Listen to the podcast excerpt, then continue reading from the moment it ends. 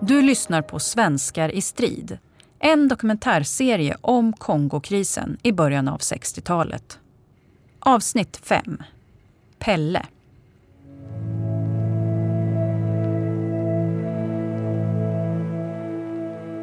I huset på Tallgatan i Linköping där jag växte upp hade vi ett rum som vi kallade telefonrummet.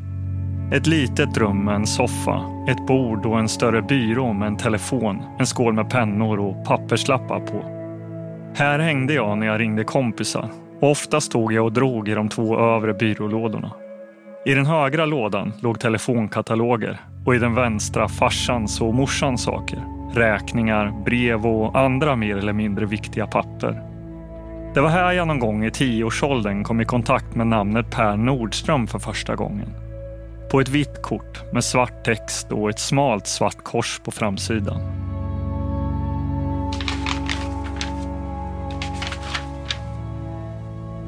Här har du ja, Pelle, min kompis då, som dog. Personbilen försvann efter olyckan från platsen efterspanas nu. Man, man spekulerar i att det var med vett och vilja som de kördes på. Va? För de satt ju i en öppen jeep så de hade liksom inte en chans de här två.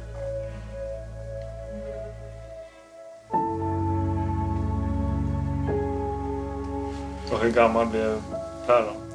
Ja, han var ett år äldre än jag då. Så att, eh, det här var alltså han född 37, 24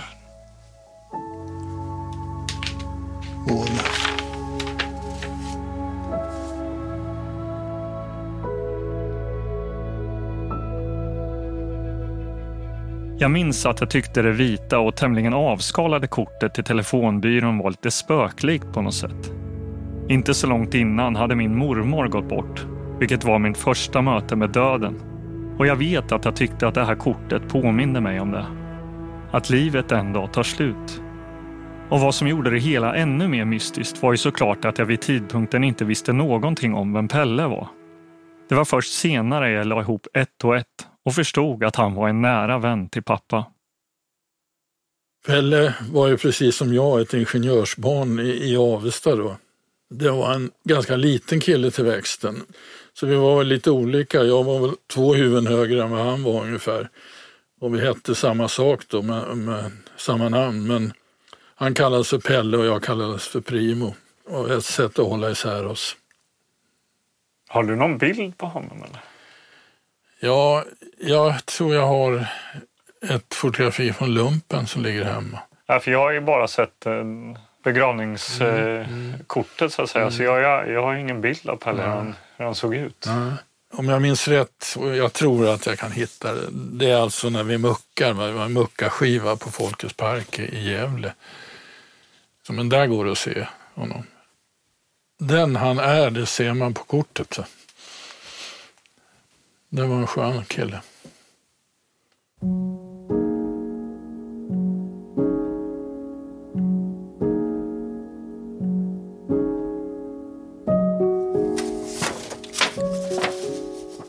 Hittar du något farsan? Ja. Titta, titta. Här. Här är ni. Där. Men där är han. Pelle. Och där, vem är det? Fan, jag trodde det var jag själv. Ja, vissa likheter. Hur gamla är ni här då? 20-21 år, varierande lite grann. Okej. Men ni låg hela, hela lumpen ihop du och Pelle? eller? Ja, det gjorde det. Han var en riktigt snygg lirare alltså. Han ser ut som en eh, brudmagnet alltså. Ja. Men där är han. 1959. ja. Men det är den bilden du har på honom? Ja, det är det. Jag har inget annat kvar vad jag kan påminna mig.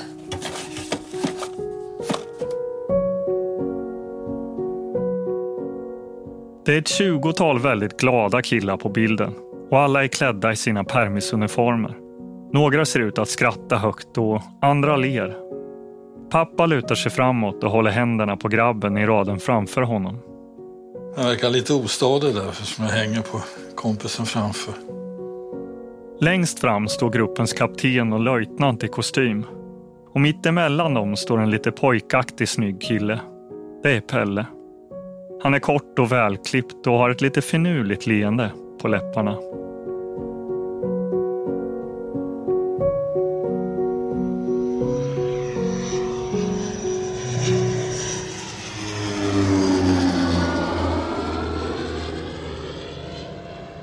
Pelle åker ner till Kongo innan pappa med bataljon 10 i slutet av 1960 och de håller flitigt brevkontakt. När det sen blir dags för pappa att flyga ner med bataljon 12 hoppas de båda att de ska hinna ses i Elisabethville innan Pelle måste flyga hem till Sverige igen. Hade ni liksom bestämt innan att ni skulle ses? Nej, det var jag som tog reda på var han fanns någonstans. För han visste ju inte riktigt när jag skulle komma ner. Så att när jag kom ner så tog jag reda på var han bodde någonstans och sen blev jag ditskjutsad. Så jag träffade ju Pelle den här kvällen och, och ja, det är ju så när man träffar en gammal kompis. Det, det, det känns väldigt bra då. Och eh, vi satt bra länge in på småtimmarna och pratade och han berättade om sånt som hade skett under hans bataljon då. Nej, så det, det var väldigt kul. Det var ju bara tråkigt att det var så kort tid att vi inte hann umgås längre. Men så var det. Han skulle rotera hem och jag gick på tjänstgöringen där nere. Så det slutade ju som det gör när kompisar tillfälligt skiljs då. Att vi ses. Men så blev det inte.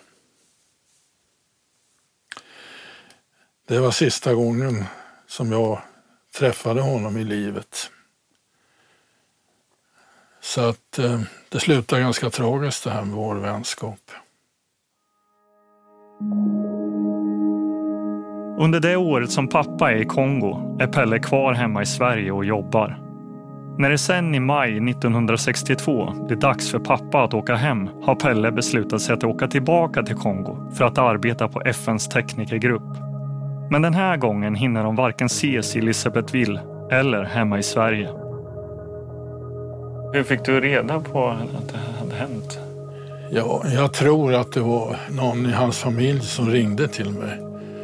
Han hade en bror som var något yngre och en, även en syster. Så att, eh, jag tror att det var någon av dem som, som ringde mig och talade om det. Och, och sen kom det ju i tidningen också.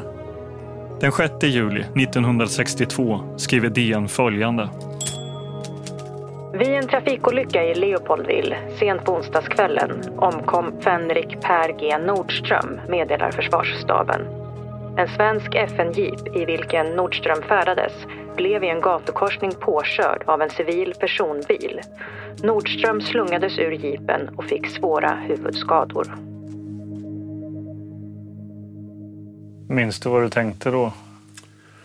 Ja, i stort sett fy fan om man ska få ta till ett uttryck.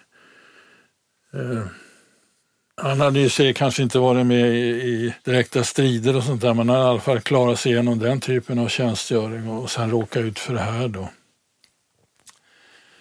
Uppfattningen var väl att åkte man ut i ett sånt uppdrag som han gjorde då, så var riskerna inte på samma nivå som om man tjänstgjorde i bataljonen. Då.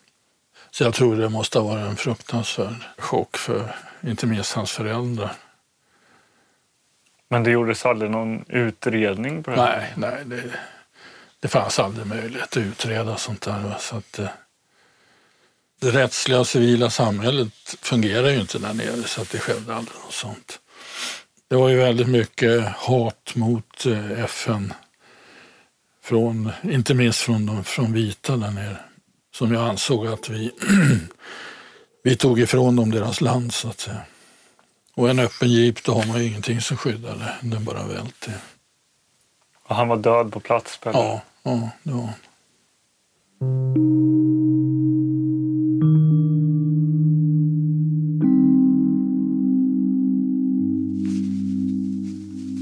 Här är begravningen.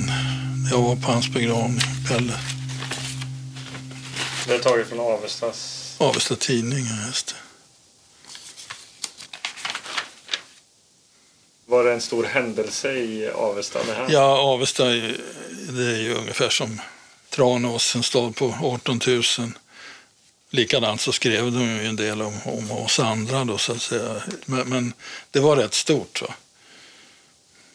Det var det. Det är militärer på plats där. Ja, det var från I14, för både han och jag gjorde i lumpen på I14, så det var därifrån man hade sådana så, eh, värnpliktiga som bar kistan och sådär.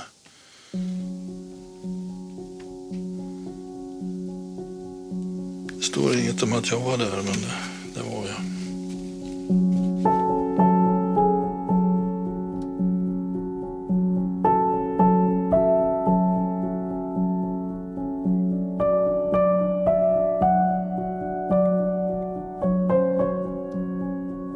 Pelle blir den fjortonde svensken som dör i FN-tjänst i Kongo. Dödsorsaken betecknas som en olycka och hans kropp flygs hem till hans familj i Sverige och Avesta.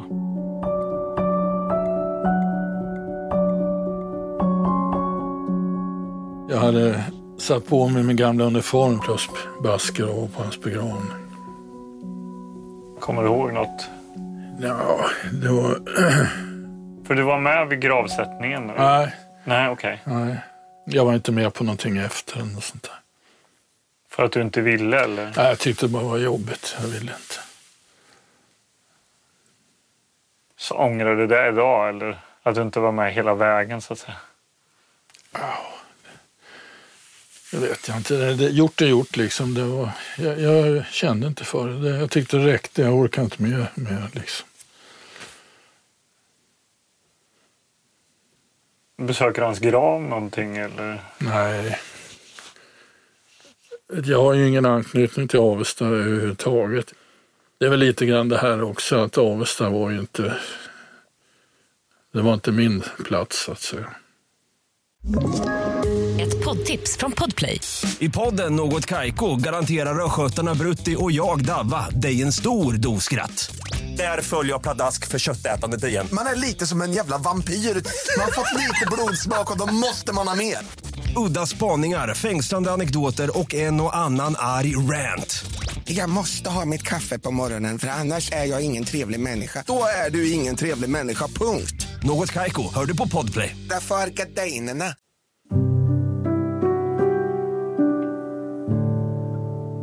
Efter att Pelle begravdes har pappa aldrig besökt kyrkogården i Grytnäs strax utanför Avesta. Och jag vet egentligen inte varför. Han lämnade staden och har inte satt sin fot där sedan dess. Kanske har det känts för jobbigt.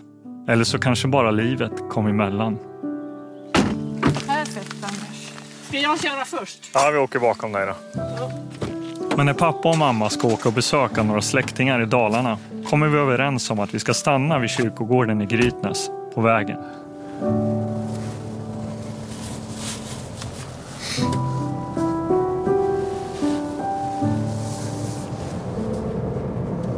Grytnäs herrkyrka. Ja, Ja, där är tornet. jaha, hur ska man hitta här? Men du har den här lappen sen nu. Jag har den här. Ja. Det är en liten klassisk vit kyrka vi möter. Vädret är fint och solen letar sig ner mellan löven i träden på kyrkogården. Ser eh, kyrkan och så ut som du minns det från... eh, Ja, det gör det. Det har ju växt ut.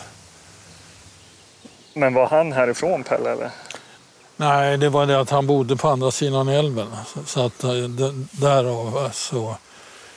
Han tillhörde liksom Skogsbo och Grytnäs församling då och inte... Sen har man ju slagit ihop det så nu är det ju en enda församling av alltihop. Ja. Men då fanns det skillnad. Pappa har varit i kontakt med kyrkogårdsförvaltningen och de har gett oss ett nummer på Pelles grav. Ja, var ska vi börja? Vad sa du nu igen? U? U3 2-3. U3. Vad kan U3 stå för då? Tror du det finns någon karta? När vi står där och blickar ut över de många gravstenarna känns det hela nästan lite hopplöst. Jag vet inte om man ska gå och titta om det finns någon i huset där borta. Ja, det kan vi fråga. Vi tar sikte på ett litet hus längre ner på kyrkogården och går in på en av de första gångarna med rader av gravstenar. Jag ser om jag står här. Ja, här är ju här. Här är han ju. Snacka om flyt. Jag gick ju på det, precis.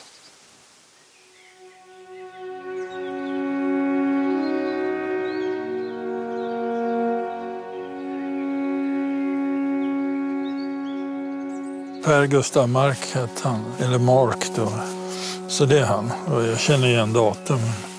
57 62. Så det var ju helt otroligt. Jag ska ta en bild på det där. Absolut. Vill du att jag håller blommorna? Mm.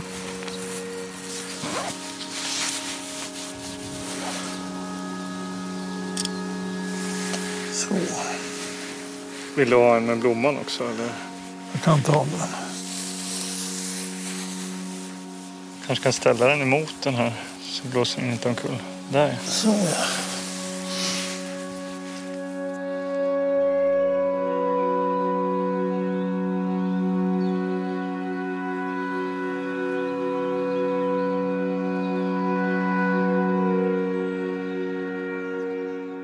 Brukar du tänka på honom ibland? Ja, det gör jag när jag tänker på Kongo. Så tänker jag på honom. Det, även om vi aldrig låg ihop så, så, så blir det så. Hade det inte varit för honom så hade jag inte åkt dit. Det är så. Vi står där tillsammans ett tag. Pappa och jag. Och jag vet inte riktigt vad jag ska säga. Känns det bra då? Ja, det var okej. I och med att jag aldrig kommer hit tidigare. Nej. Det hela känns väldigt starkt och sorgligt. Men det känns också stort på något sätt. Att få dela det här med honom. Jag tänker själv på mina egna barndomskompisar och på att det var väldigt länge sedan jag snackade med dem och att jag saknar dem. Det var ju 62 han begravdes, så det är alltså, Ja. vadå? 40, Oj, 58 år sedan. ja. Det är en hel livstid för många. Hur minns du honom då? Ja, det var en bra kamrat. En pigg och, och glad kille. Det, det var en väldigt positiv människa att känna. Ingenting var omöjligt så att säga. Och lite grann samma typ som jag då, lite äventyrslysten och ge sig ut på sånt här. Nej, vi hade en väldigt bra relation. Och just det här att vi, vi hade gått på samma gymnasium, vi hade gjort lumpen ihop. Så att vi hade en väldigt bra kontakt.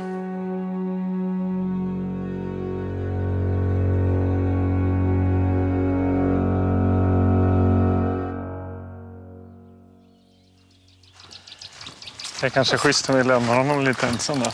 Ja, då han kan få tänka lite. Jag måste komma av jättemycket minnen upp. Usch, det är nästan så att man blir gråtfärdig. Ja. Men han, han kan väl inte släppa fram sina tårar. Ja. Jättebra Anders att du kom på den här idén. Även om man har tänkt på det så har det liksom aldrig blivit av. Och han har ju liksom inte själv jag tror inte han har, jag vet inte, orkat. Kanske.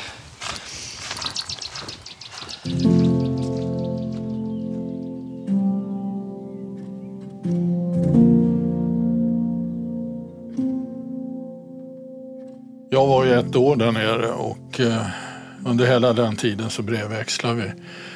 Och han skickade enormt många brev till mig under den här perioden.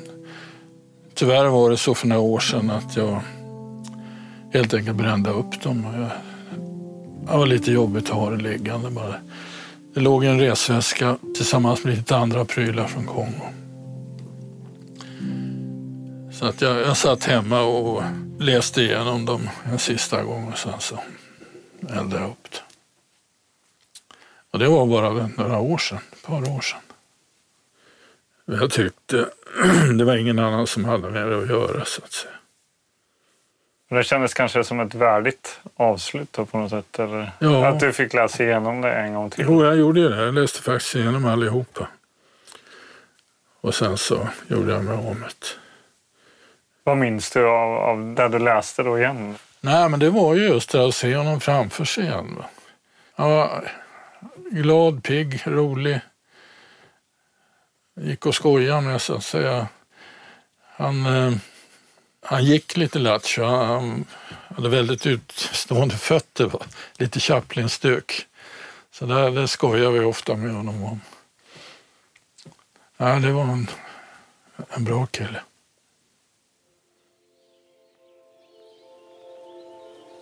Det måste vara någonting uppifrån som gjorde att jag hittade. Jag menar, bland alla dessa gravar så springer jag rakt på den. Ja, det är fantastiskt. Annars hade vi nog behövt tillbringa halva eftermiddagen här. Ja, för det verkar inte finnas någon där inne heller. Nej.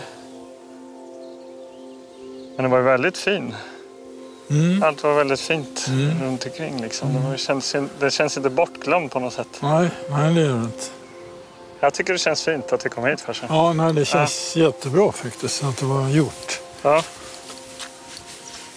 Att jag fick följa med också. Utan dig så hade jag inte kommit hit.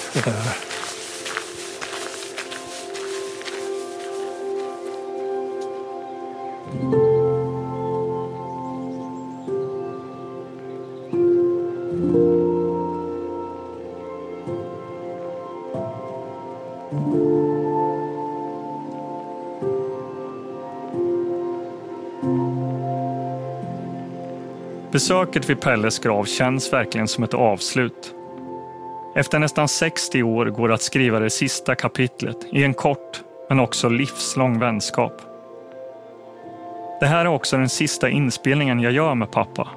Två dagar efter besöket vid graven drabbas han av en stroke. Det känns overkligt på något sätt. Mina tankar som jag hade när jag startade det här projektet om att jag borde få höra hans berättelse från Kongo innan han blir för gammal eller är borta. Det är för en kort stund verklighet. Men pappa har tur och klarar sig bra och efter några långa månader är han på benen igen. Ja, Per Karlborg. Ja, det var Anders. Nej men hej, jag Hallå. ser inte för jag är ute så jag tittar. Jag ser inte vad det står på telefon. Nej, jag förstår. Vi fortsätter att prata om hans tid i Kongo och diskutera hans upplevelser nästan varje gång vi ses eller pratar i telefon. Kongo, det har liksom blivit vår grej nu. Saker som pappa har tagit hem från Elisabethville har också tagits in i vårt hem i Stockholm. På väggen i köket hänger en ölbricka av märket Simba. Och ibland dricker jag även en öl ur ett Simba-glas jag numera är stolt ägare av. I t-shirthyllan ligger farsans gamla FN-t-shirt. Lite väl tajt ska jag villigt erkänna. Men den åker på ibland ändå. Men det fyra meter långa ormskinnet och hjälmen med skotthålet som ligger uppe på vinden, det får stanna där. Än så länge i alla fall. Kanon, men hälsa morsan när hon kommer tillbaka då så hörs Ja, det gör jag. vidare på telefonen. Och du hälsar dina damer. Det ska jag göra. Ha det gött. Mm. Hej. Hej.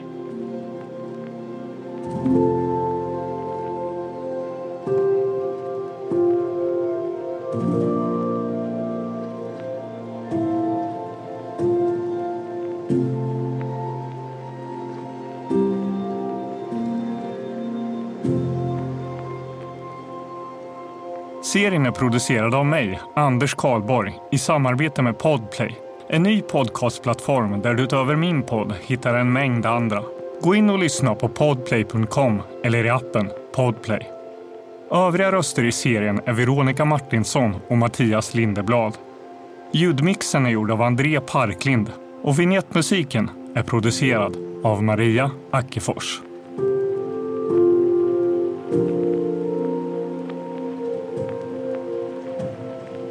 Ett